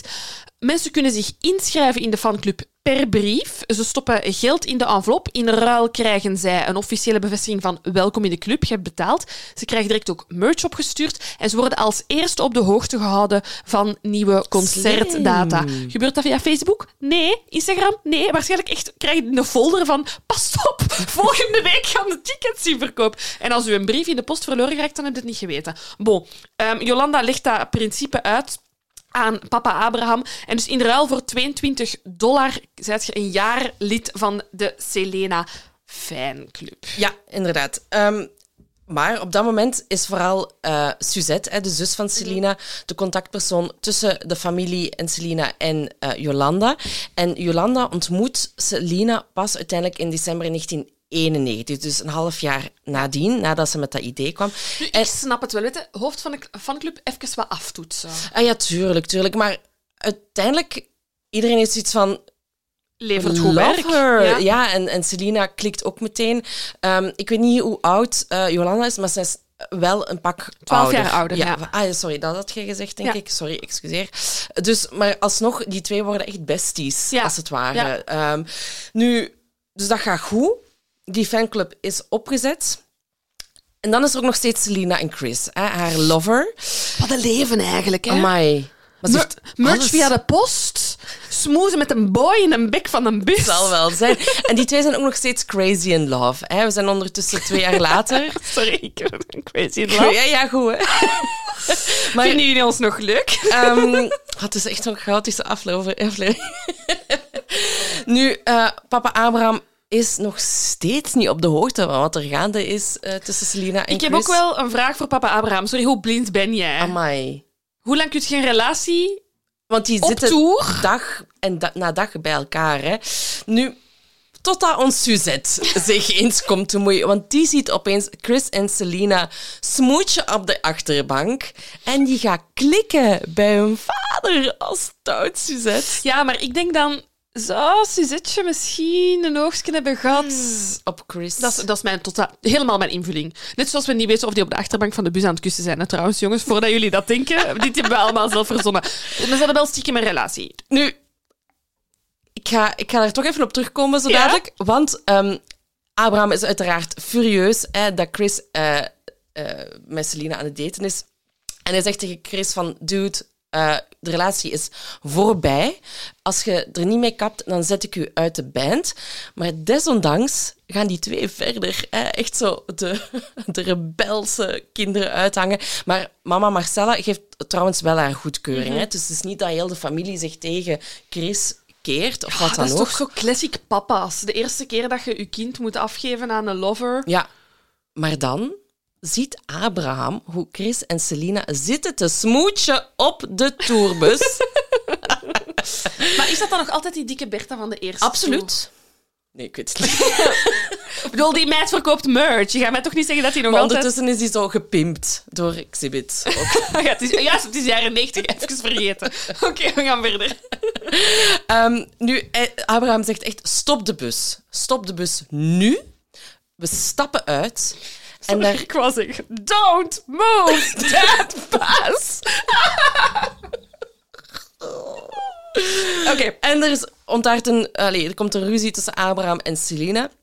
En hij zegt over eh, Chris eigenlijk van ja, hij voelde als de cancer in my family. Eh, dus dat zijn heftige woorden. Dat zijn echt waarvan je denkt van oké, maar dan moet er toch iets schelen met die Chris. Dat, allee, want waarom zou je zo'n heftige woorden gebruiken? ja, ook zo, hij zit in de band, snap je? Ja, zo, jij hebt hem aangenomen. dat is toch geen groupie die blijft achter u lopen? Nee. Je hebt hem zelf in die band gestoken. Ja, en opnieuw hè, eh, zegt Abraham van kijk, als, je- als je hiermee verder gaat, ja, dan, dan stoppen we met de band, dan zoeken we wel andere bandleden en zo verder. Nu, maar Selina en Chris echt zo, ons gaat het niet hebben liggen, vader. Dus wat doen die? Ehm, die lopen weg, die twee. En die gaan stiekem trouwen. Want Selena heeft zoiets. Gast, eens ik getrouwd ben, dan kunnen wij niks meer maken. Dus die twee, die doen dat. Abraham die, het, zo, het, die komt dat ook te weten via de media. Want de media is meteen op de hoogte van wat dat er is gebeurd. Mhm. Abraham die trekt zich ook zo terug. Hè. Die gaat ze echt zo in een kokon zo zitten mokken van... Ik praat niet meer met u. Ja, weet je, het ding is gewoon, ik denk dat is zo het, het klassieke momager Chris Jenner Mhm. syndroom. Namelijk, je bent vader, en, of Chris moeder, en ook manager, maar je kunt die twee ineens niet meer loszien van elkaar en je wilt complete controle. Ja, voilà. En ja, dat ging dus niet. En nu dat ze getrouwd waren, al helemaal niet meer. Ehm, nu, Selena en, en Chris, ja, bon, die zijn getrouwd, die twee. Dus die gaan ook in een appartement wonen in Corpus Christi. En ehm, uiteindelijk eh, verklaart ehm, Chris ook wel wat dat er, wat, waarom dat hij die gevoelens, zo, zo sterke gevoelens heeft over Chris. En hij zegt van ja, ik vreesde ervoor dat hij een machista zou zijn. Dus, dus hij vreesde er eigenlijk voor dat hij, Chris, de controle ging overnemen over Selena en ging zeggen van kijk, eens dat wij getrouwd zijn, gaat jij gewoon aan de haard zitten. Uw carrière is voorbij, we gaan een gezin stichten en that's it. En daar was eh, papa Abraham zeer bang voor. Maar uiteindelijk ehm, heeft Abraham zich wel geëxcuseerd bij Chris. Ik denk dat hij uiteindelijk door had van oké, ça va wel. Hij heeft oké intenties. Hij heeft oké intenties. Ze zitten ook, hij zit ook in de band. Ik bedoel, waarom, waarom zou hij dat opgeven? eigen broodwinning Zijn eigen broodwinning, voilà, inderdaad. Dus uiteindelijk lost zich dat zelf wel weer op. Kunnen Dus we- goede move geweest van Selena wel. Ja, en kunnen we ook even afspreken dat eh, twee mannen die beslissen over het leven van één vrouw in de jaren 90 blijft. Dank u. Ja, forever. Forever. Keep it there. Nu, dan gaan we over naar... Dan zijn we 1994. Mhm. En Jolanda is goed bezig. Ja. Die heeft ondertussen al meer dan 8000 fans op de lijst staan. Hè? Ja, reken uit, hè. 8000 fans maal 22 dollar, dat is kassa kassa, hè. Per jaar, ja, inderdaad. En het gaat zelfs zodanig goed dat ze beslist om haar job als verpleegster op te zeggen. Ja. Maar ze verdiende wel nog steeds minder eh, in de, als hoofd van de fanclub dan als ze verpleegster zou zijn. Ja, en het ding is ook... eh, Wat dat we eigenlijk, inderdaad, ze verdiende minder en ze doet het wel inderdaad ook vooral uit persoonlijke overwegingen. Hè. Ze is enerzijds goed bevriend met Selena, maar ze blijft een hele grote fan ook van haar. Hè. Dus haar, haar beweging is niet van dit is een job en ik, ik kan het s'avonds afzetten. She loves it. She loves it. Haar leven is 24 op 7 Selena en daarvoor heeft ze gerust wat minder geld als loon over. Ja, maar dat snap ik. Hè. Ik, denk, er zijn veel mensen die, als ze een job tof vinden, denken van oké, dan verdien ik maar iets minder, maar dan doe ik tenminste iets wat ik graag doe. Je moet gewoon doen wat je graag doet, jongens. Kijk, als je iets meeneemt uit deze podcast, Ja. dan is het dit. Doe wat dat je graag doet, zie dat je rekeningen kunt betalen. Voilà. Een tip van ons. Klein tipje. Volg voor meer tips. Nu, ehm, ook in 1994, hè, wat toen superstars, eens dat ze een paar platen hebben gemaakt, ehm, ja, dan moet er een kledinglijn komen. Ik moet zeggen, ik zag de naam van haar winkels. Hè, want eh, we zijn natuurlijk, we kunnen geen webshop openen. We we're mid-90s. Dus er worden boutiques Ja. geopend. Hè. Eh, die zijn, bevinden zich alle twee in, eh, in, in centrumsteden in Texas. Ik vind het heel jammer dat wij onze merch niet meer de Volksjury et cetera kunnen noemen. want haar merch heet Selena et cetera. Ja, dat is echt zo, u geen limieten opleggen. Gewoon Alles zo- kan nog. Alles kan. Wil ik koeien verkopen? Het kan. T-shirts? Ook. Aandelen? Prima. Imo? Het kan. Het kan allemaal. Top. Ja, heel goed. Selena, Goed, hè? et cetera. Twee boutiques. En ehm, ja, ze moeten iemand vinden die die boutiques Mhm. moet openhouden.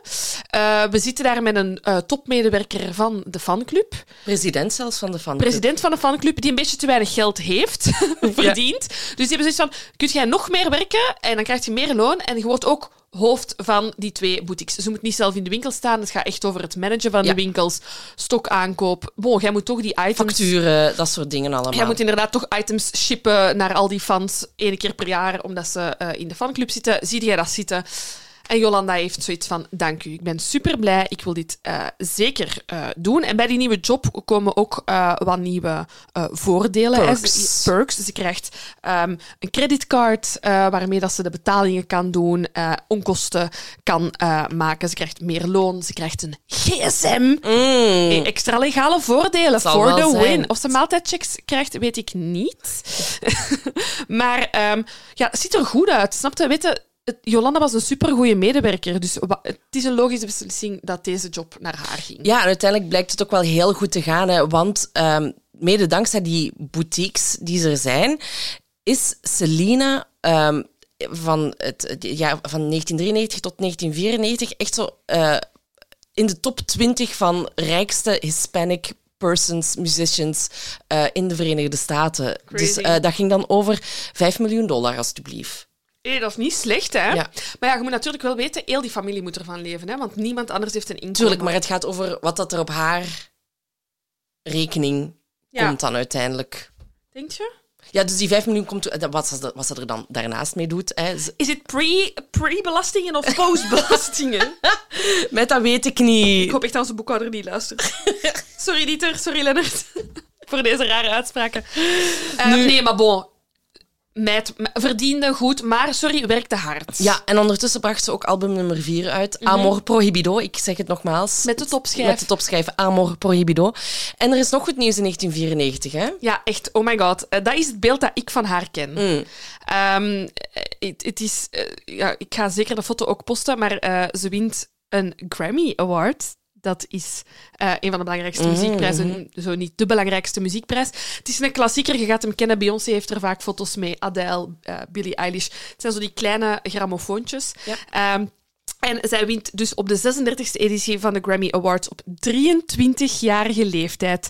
Met haar eh, vorig album Selena Live ehm, de Grammy voor beste Mexican American Album.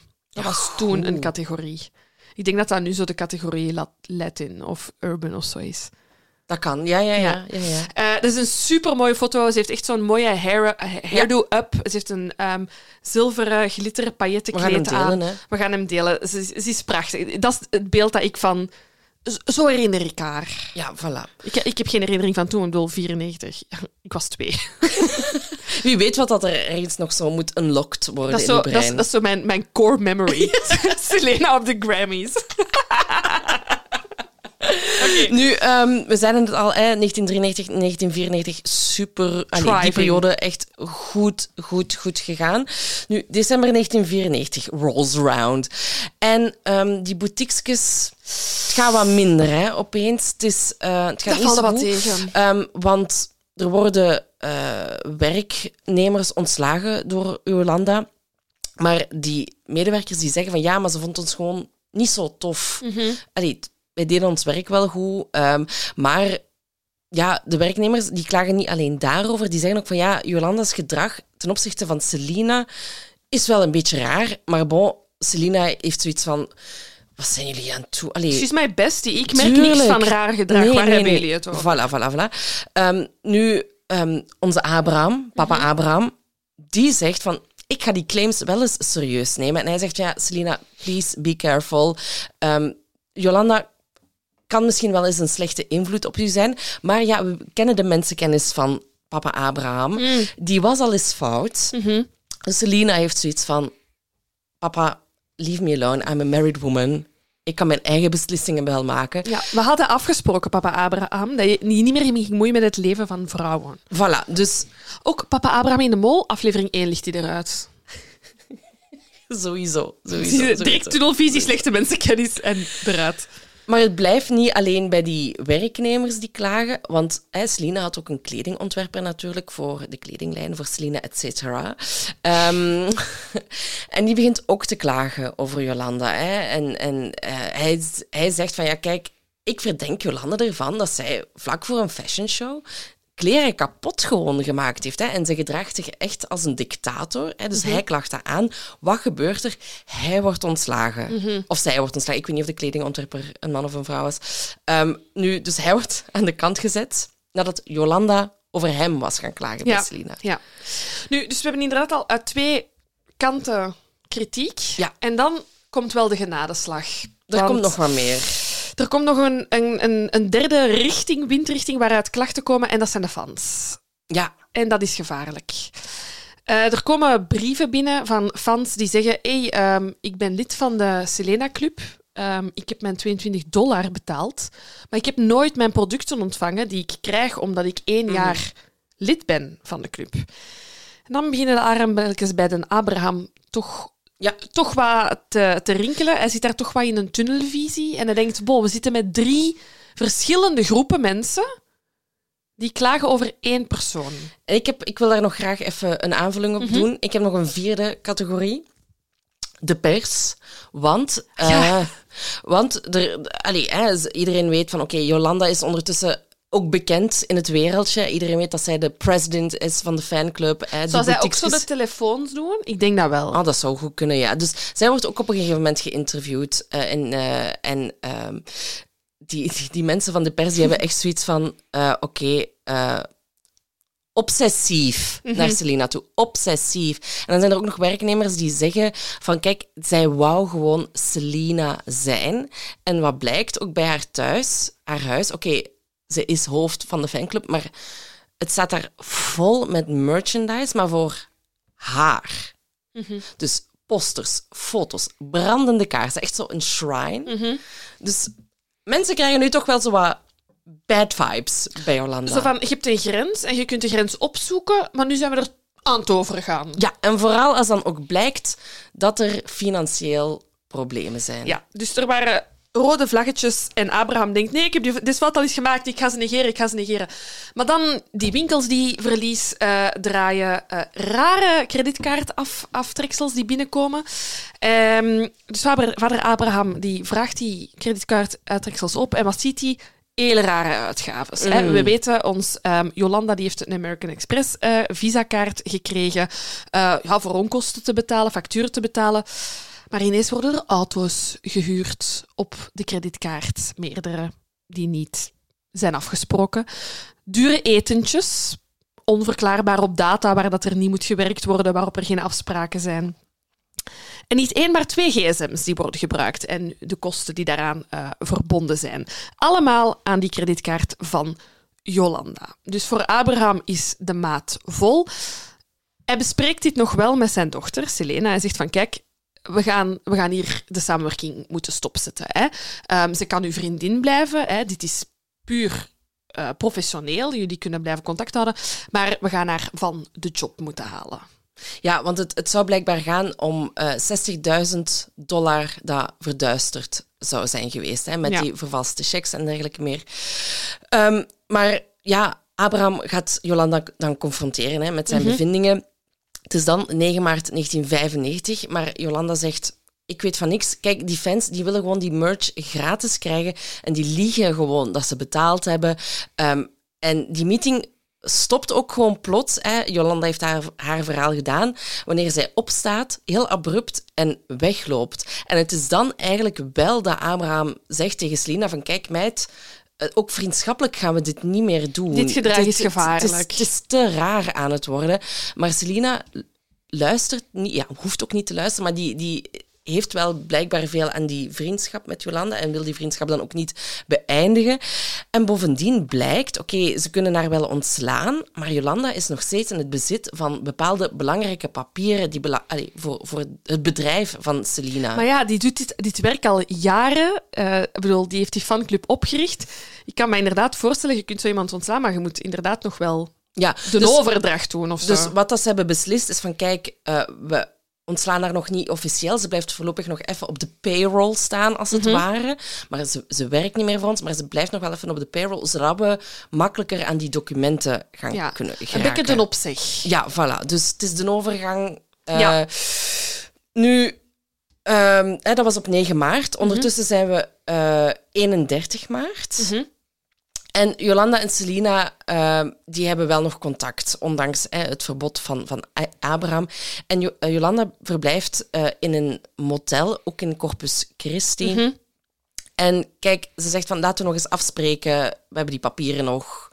Eh, ik, ga ze u, ik ga ze u geven. Kom Finale af. overdracht. Kijk, we zijn vrienden, laten we dit op een mooie Ja. manier eindigen. Ja, en eh Selina trekt naar dat motel en daar dropt ons Jolanda even een bommetje. Ja. Want zij is nog naar Mexico geweest omdat ze daar ook een boutique wilde openen. En Jolanda was daar ook nog mee bezig geweest. Ehm, die komt ter- terug van die trip van Mexico. En zij zegt, kijk, ik ben daar verkracht geweest. Ja, dat is natuurlijk. Jolanda is Selena's beste vriendin, dus Selena is daarvan in shock en die heeft dus van: oké, we moeten iets doen. Selena pakt Jolanda mee naar het ziekenhuis. Ze rijden naar het ziekenhuis in ehm, Corpus Christi. Ze gaan naar binnen ehm, en Selena meldt uh, Jolanda aan en zegt van kijk, uh, kunnen wij een dokter zien? Uh, dit is er gebeurd. Er, komt, wordt een dokter bijgehaald en die maand Jolanda aan om haar verhaal te doen. En ze blokkeert. Jolanda kan heel inconsistent vertellen wat er gebeurt. Ze vertelt niet hetzelfde als wat ze tegen mm. Selena in de hotelkamer heeft verteld. En Selena, eh, verplegers vertellen achteraf van Selena, was echt een beetje ja, op haar tenen getrapt. Ja. Ik bedoel, ja, dat is een ster die daar met iemand zit, eh, die haar verhaal moet doen. Ze wil die ondersteunen. En ineens blijkt dat verhaal helemaal met haken en ogen van Um, en bovendien zeggen die dokters, ja, um, ik snap dat, en we willen nu wel helpen, maar dat gaat niet, want deze misdaden zijn niet hier gebeurd en jij bent bovendien ook geen inwoner van Corpus Christi. Hè? Jij verblijft hier op hotel, maar je domicilie is ergens anders. Mm. Ofwel moet je je crimes aangeven waar ze gebeurd zijn, ofwel op je woonplaats, maar wij kunnen u hier niet helpen. Ik hoop van harte dat dat ondertussen ja, veranderd is. Ik, deze, was net, uh, ik was ook echt aan het denken toen ik het laatste. En ik dacht ook, is dit Belgium? Klinkt heel Belgisch zo. Van, ah nee, hier kunnen wij u niet verder helpen. Maar dus um, in het ziekenhuis willen ze dus geen medische schouwing doen. Het verhaal hangt half aan één. Dus Selena is ambetant. Maar ze zegt van, kijk, ik ga je terug afzetten aan het uh, hotel. Um, beslist zelf wat dat je doet. Ga ergens anders aangifte doen. I don't care. Ja, ze gaat zelfs, zelfs verder. Hè. En daar zegt Selena zelfs van, kijk, um, ik denk dat het goed is als we even ons eigen weg inslaan. Ja, ja. Ook vooral om Abraham niet verder nog te ambeteren. Mhm. Maar laten we gewoon even ons eigen ding doen. Um, maar Selina gaat alsnog mee naar binnen hè, in het motel. Ja. En daar eigenlijk ontstaat er ook een ruzie. Uh, er zijn motelgasten die ja, gaan klagen eigenlijk in de lobby dat ze daar een luid argument horen in de kamer mhm. van um, Jolanda. En het gaat eigenlijk over de zaak. Het gaat over die documenten dat er ruzie wordt gemaakt Mm Selina zou gezegd hebben tegen Jolanda dat ze Jolanda niet meer kon vertrouwen en dat ze nu eindelijk eens die papieren moest teruggeven aan Selina. Waarop de motelgasten een luide knal horen. Ja, er is een uh, klusjesman die zegt uh, rond 11 uur 48 hoorde ik een luide knal. Het was alsof er een um, uh, band ontplofte, ja, hè? dat je een, een ja. was. Dus Opeens in die lobby duikt Selina daarop, mm bloeden uit haar borstkas. Haar kleren zaten onder het bloed en ze had een bloedspoor achter zich gelaten van maar liefst 119 meter. Mm Selina riep om hulp. Uh, ze was overduidelijk neergeschoten en achter haar komt Jolanda aangelopen die een pistool vast heeft. Mhm. Ze richt die nog op Selina, noemt haar een bitch, maar Jolanda was zeer kalm.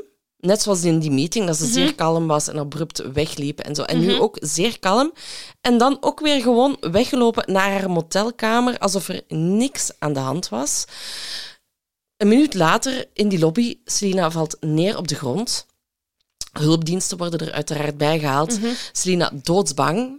Och, haar met dat, met dat kind ja, roept... 23. Ja, ze gaat me opnieuw neerschieten. Doe de deur op slot. Ja. Die hulpdiensten arriveren 1 minuut 55 seconden nadat het telefoontje is gegaan. Selina wordt nog overgebracht naar het ziekenhuis, maar wordt dan klinisch doodverklaard. Um, die wordt nog op de operatietafel gelegd. Um, maar haar rechterlong was beschadigd, haar sleutelbeen was verbrijzeld en ze had enorm veel bloed verloren. Vijftig minuten lang hebben dokters nog geprobeerd om haar te redden. Um, maar op 31, ma 31 maart 1995 om vijf, vijf na één smiddags wordt Selina uiteindelijk doodverklaard. Ze was 23. Um, en al snel ja, blijkt wel wat dat haar laatste woorden waren. Jolanda 158. En daarmee verwees ze naar Jolanda, die op motelkamer 158 verbleef. Ja. Ze heeft haar moordenaar aangewezen. De mensen in de lobby hebben de moordenaar zien wegstappen. Dus samen met de ambulance arriveren de uh, ordediensten uh, aan het uh, motel op zoek naar Jolanda, de moordenaar mm. van Selena. En die vinden ze terug in haar wagen mm -hmm. met een revolver tegen haar slaap. Negen uur mm. lang zal Jolanda in die auto blijven zitten, met rond haar duizenden fans die toestromen, want ondertussen wordt het nieuws vlotjes verspreid. Politie naast haar, die eh, tijdens die negen uur met haar eigenlijk in onderhandeling gaan. In die eerste uren zegt ze: I cannot believe I killed my best friend. En tegen het einde van die negen uren zal dat geëvolueerd zijn naar: Ik heb per ongeluk op Selena geschoten. Mhm. De politie heeft stiekem haar tank leeggezogen Goed, hè? zodat ze niet zou kunnen wegrijden. En ze slagen erin om het revolver bij haar slaap weg te halen en haar uiteindelijk dus in het bijna, eh, ja, bij de avond, bij het vallen van de avond, mee te nemen naar het politiekantoor. Ja, insane. In die namiddag gebeurt er van alles. Ehm, je zou denken, breaking news, dat is iets dat we nu kennen. Dat komt binnen op uw notificaties eh, van HLN, VRT, de Morgen Nieuwsblad, waarop Mhm. dat je geabonneerd bent. Ehm, maar ook toen, in 1985, had je zoiets als breaking news. Ehm, het stroomde binnen ehm, via de pers eh, op de radiostations. en ehm, nog meer dan bij ons heb je echt een heel versnipperd radiolandschap. Eh, als je naar eh, bijbelse rockmuziek wilt luisteren, is daar een volledig radiostation voor. Wilt jij enkel naar K-pop luisteren, is daar een radiostation voor. En je hebt zo ook meerdere Tejano muziek radiostations, heel lokaal, die dat nieuws onmiddellijk oppikken. En die dus eh, eh, voortdurend eh, moeten herhalen in, op de radiozender van... Het is waar, Selena is neergeschoten, eh, sch- geschoten, ze heeft dit niet overleefd. Die Tegano ehm, ehm, radiozenders die eh, draaien non-stop haar muziek. Aan de receptie van die radiostations bellen mensen van is dit een grap? Is het, het is morgen 1 april, is dit een grap? Is dit een grap? Nee, dit is geen grap. Dus we moeten gewoon constant dat blijven herhalen. Ondertussen ook op nieuwsstations, ja, die negen uur durende stand-off van Jolanda met de politie, die ook heel Al de die tijd... fans daar ja, rond. al die fans die dichter en dichter en dichter komen, die kwader en kwader en kwader zijn, want die zijn aan het kijken naar die moordenaar. En er zijn journalisten die ze achteraf zeiden van... Kijk, eh, de, het reactie van, van, van, eh, van het publiek, van de fans van Selena, was te vergelijken met de dood van John Lennon, Kurt Cobain of JF Kennedy. Ehm, er zijn heel veel Amerikanen die geen idee hadden wie dat Selena was. Hè. Mensen die niet naar de muziek luisterden, eh, die niet op die grensstreek wonen. Maar de mensen die van haar fan waren, die waren echt hun Madonna kwijt. Het was Prinses Diana. Ja, Ja. ja, ja. Dus ehm, ik heb nog iets over de autopsie ook. Ja, ja. Ehm, nu, eh, het blijkt dus dat die kogel, dus dat is langs achter, Mhm. hè, ze was met haar rug naar Jolanda gekeerd toen ze beschoten werd. En die kogel is langs de rechterbovenkant van haar rug, eh, haar lichaam binnengedrongen, dus vlak bij haar schouderblad. Is dan door haar borstholte gegaan, heeft daar een slagader doorgesneden en is dan aan de bovenkant van haar rechterborst eh, haar lichaam weer uitgegaan. Dus in enkele minuten tijd, hè, die slagader was geraakt, is Celine al het bloed in haar lichaam verloren. En om het nog tragischer te, te maken dan het al is, eh, als die kogel slechts 1 millimeter hoger of lager was geweest, dan zouden haar verwondingen veel minder erg geweest zijn en had ze het waarschijnlijk overleefd. Ja, het, het ding is... eh, allee, ja, ik, ik wist op voorhand dat ze ging sterven, want ik kende dit verhaal. Mm. Maar als je in een crime of in een film iemand in de schouder, dan gaat het er altijd van uit... Dat is oké. Dat is oké, die gaat dat wel overleven. Ja. Je denkt, niet, je denkt niet dat dat een cruciaal punt is. Hè, zoals bijvoorbeeld ja, weet ik, eh, vlak bij je hart Ja. beschoten worden Ja. of in je hoofd. Ja. Ik bedoel, dan weet je gewoon, dat is gedaan. Ja. Ehm, maar hier, het feit dat dat dan ook zo 1 millimeter verschil... eh, Ja, dat het verschil kon zijn op leven en dood, Mhm. dat is onwaarschijnlijk. Ehm, nu, we, we zullen even naar de rechtszaak gaan Mhm. van Jolanda. Zij, houdt- zij pleit natuurlijk onschuldig. Zij blijft volhouden dat het eigenlijk om een ongeluk ging. Gelooft jij dat? Nee. Voor Nee. u heeft ze geschoten om te doden. Ja, ik denk echt dat zij uit wraak ehm, heeft geschoten van als in van als ik Selena niet kan hebben, dan niemand. Ja, ik, ik weet het niet. Ik, twij- ik zit de hele tijd in twijfel. Ik denk dat hij geschoten heeft om haar te doen verschieten. En effectief een arm of iets. Zo van... Ik denk dat hij die niet dood wou schieten. Ja, maar dat mens. Maar ik vind ook, je moet op niemand schieten. Hè? Dus ik bedoel, Nee, als je nee, schiet, nee. dan, dan zit het hem... Allee. Nee, maar ik denk als je ziet hoe. eh, het ging echt wel. Het was echt een obsessie. Het was echt een, een op het stalkerige. allee, ja, Mhm. Ja, ja, bedoel, het veel, het- Voorbij de grens van stalken. Ja, ja. absoluut. ehm, hoe dat ze zich gewenteld heeft in, die, in dat gezin. En ook, ja, ze heeft uiteindelijk wel fraude gepleegd. Mhm, Dat is een kat in het nauw. Hè. Ik bedoel, die ging waarschijnlijk sowieso wel aangeklaagd worden door de fam- familie van Selena. Mhm. Er is dan die discussie. En dan zegt nog eens Selena van, kijk, ik wil niet meer nu bevriend zijn met u. Dat is het ultieme verraad voor Jolanda. Ja, ja, ja. En ik denk dan het idee van, ja, kijk, als ik haar niet kan hebben, dan niemand. Ja, oké. Denk ik. Ja, nee, ja, het kan, het kan Het alles kan, zijn, hè. kan twee. Ja, ik, ik denk, ik, ik- denk dat het, dat het eh, actie voor nadenken geweest is. Snap je? Gewoon impulsief geschoten en dan pas, oh fuck, ja, ik kan, ze kan ja, doodgaan. kan, er, er kan veel op één seconde natuurlijk Ja, ja. bedacht worden. Hè. Ehm, maar het was ook wel zo dat ze dat, dat ze dat wapen niet lang daarvoor had gekocht. Ja, Dat, is, allee, dat is ook wel een opmerkelijk ja, ja. ja. detail. Ja. Waarom zou ze dat nu opeens nodig hebben, als het ware? Ehm, Bon, sorry, ik ga verder. ik en- het mij gewoon af. Nee, ja, wat, wat- ik heb dat nu niet opgeschreven, maar ehm, ze gaan er wel vanuit dat ze denken dat Jolanda het ook wel eerder geprobeerd heeft om haar te doden. Ja, maar dat vind ik moeilijk, want dat is Abraham Ja, dat dat achteraf Dat, zegt. dat is waar, dat is waar. Maar ze denken dus eigenlijk dat Jolanda ehm Selina al eerder naar het motel heeft willen lokken om haar dan te doden met een smoes, maar dat Chris er dan toevallig bij Ja. was. Ja. Ehm, ja, we zijn in een rechtszaak. Het is, het is woord tegen woord. het is woord tegen woord, voilà, inderdaad. En wij gaan het ook echt nooit weten, maar Nee. wij speculeren alles graag. hè. Ja, dat weten jullie, hè? Dus Jolanda pleit onschuldig, blijft volhouden dat het om een ongeluk gaat. En op 23 oktober 1995 95 gaat de jury in beraad. En na twee uur komen ze weer buiten. En we weten uiteraard wat dat betekent. Schuldig.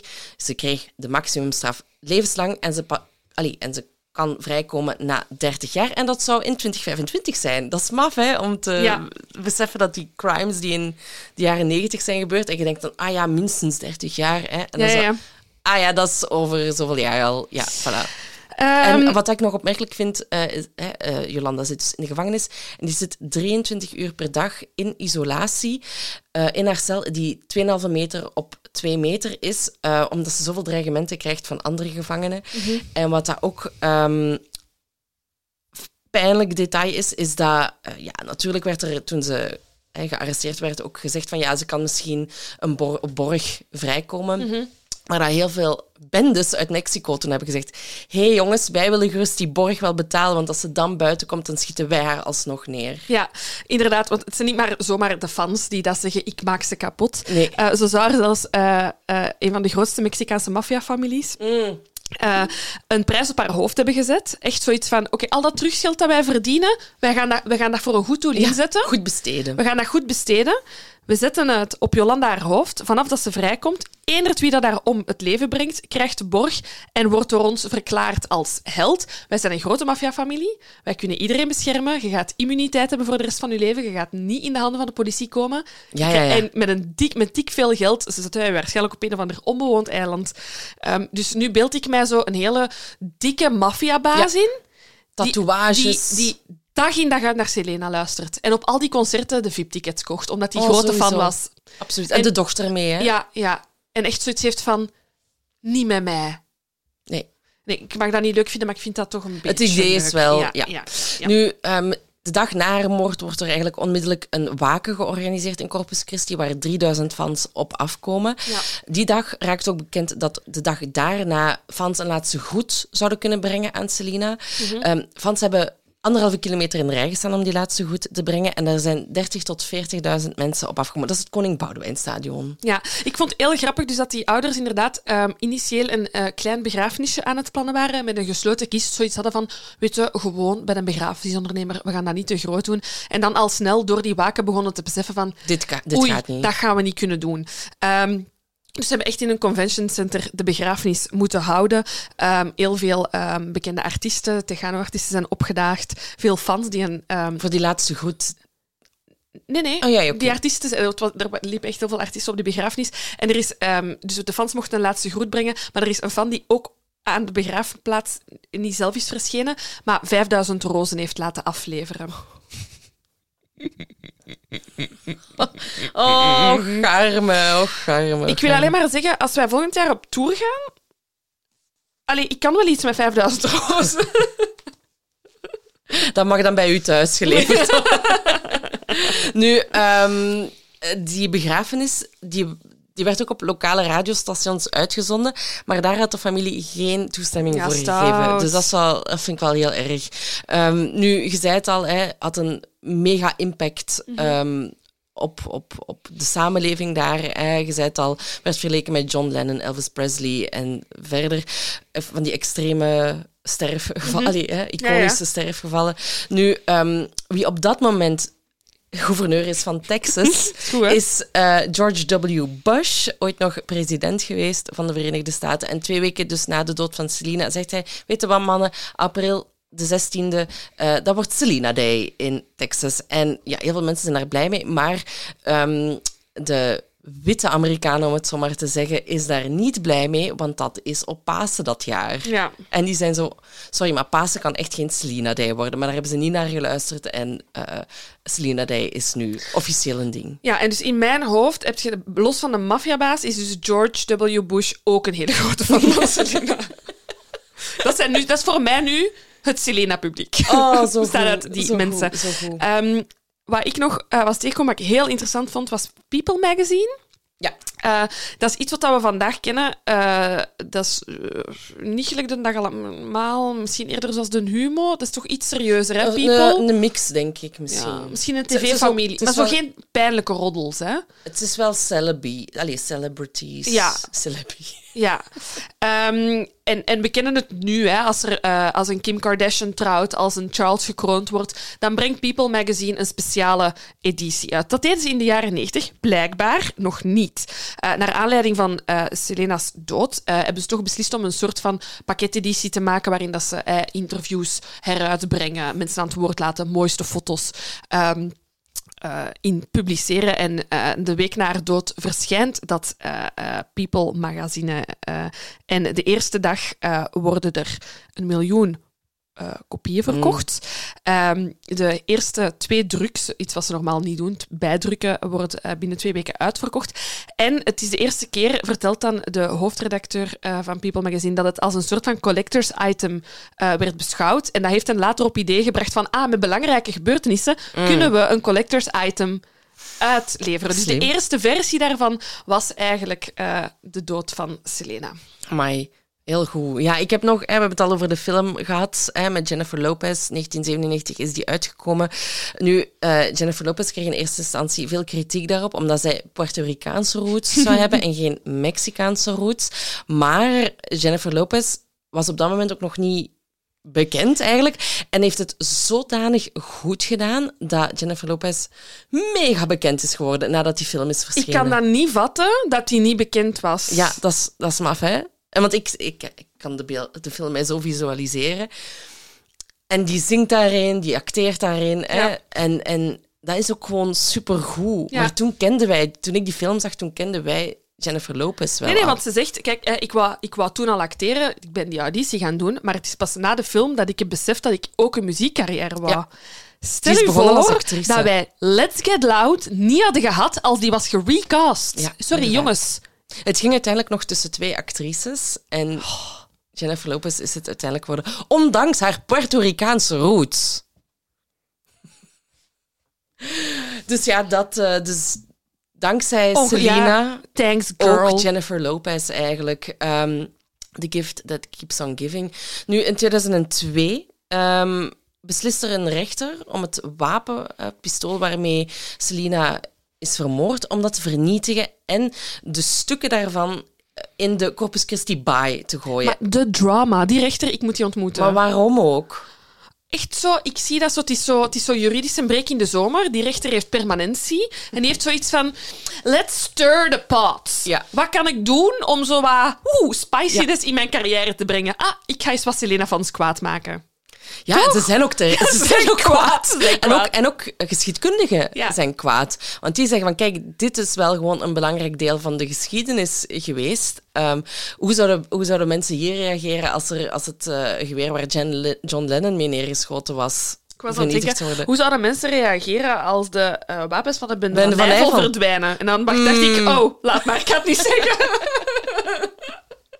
Nu, ehm, dus dat is nog een, raar feitje in de, in de nasleep. Nu, eh, in de maanden na de dood van Selena zijn zowat 12.000 mensen haar graf gaan bezoeken, maar ook het motel waar dat ze vermoord is geweest. En eh, de manager van het motel heeft op een gegeven moment moeten ingrijpen en heeft de nummers van de kamers moeten veranderen of moeten verplaatsen, zodat mensen uiteindelijk niet meer zouden weten waar dat Selina is doodgeschoten. Ik snap het wel, maar dat is toch een beetje het verplaatsen van het probleem. Want ik stel mij dan voor, ik ben een fan uit New York, dus ik ben niet van Corpus Christi. Niemand kan me vertellen wat de echte deur is. Maar ik leg dan een bloem aan een andere deur.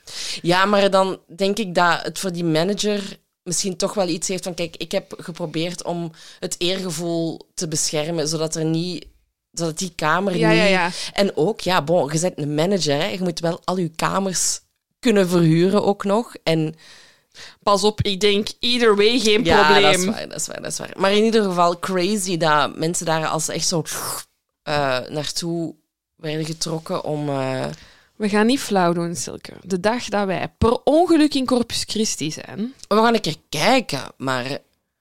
ja, je gaat kijken en je gaat op zoek naar de juiste deur. Ja, Ja, ja, ja, ja, ja.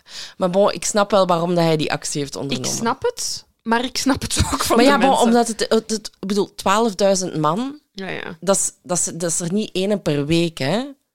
Nee, Ah, wel, voilà. Dus dan snap ik dat er ik ingegrepen snap, moet ik snap hem volledig. Snapt je het nu? Ik snap het. Dat was het wat mij betreft. Ik weet niet of jij... eh, Ik heb nog in hebt? 2017, is er 22 jaar na haar overlijden, heeft ze een Hollywood star gekregen op de Walk of Fame. Hm.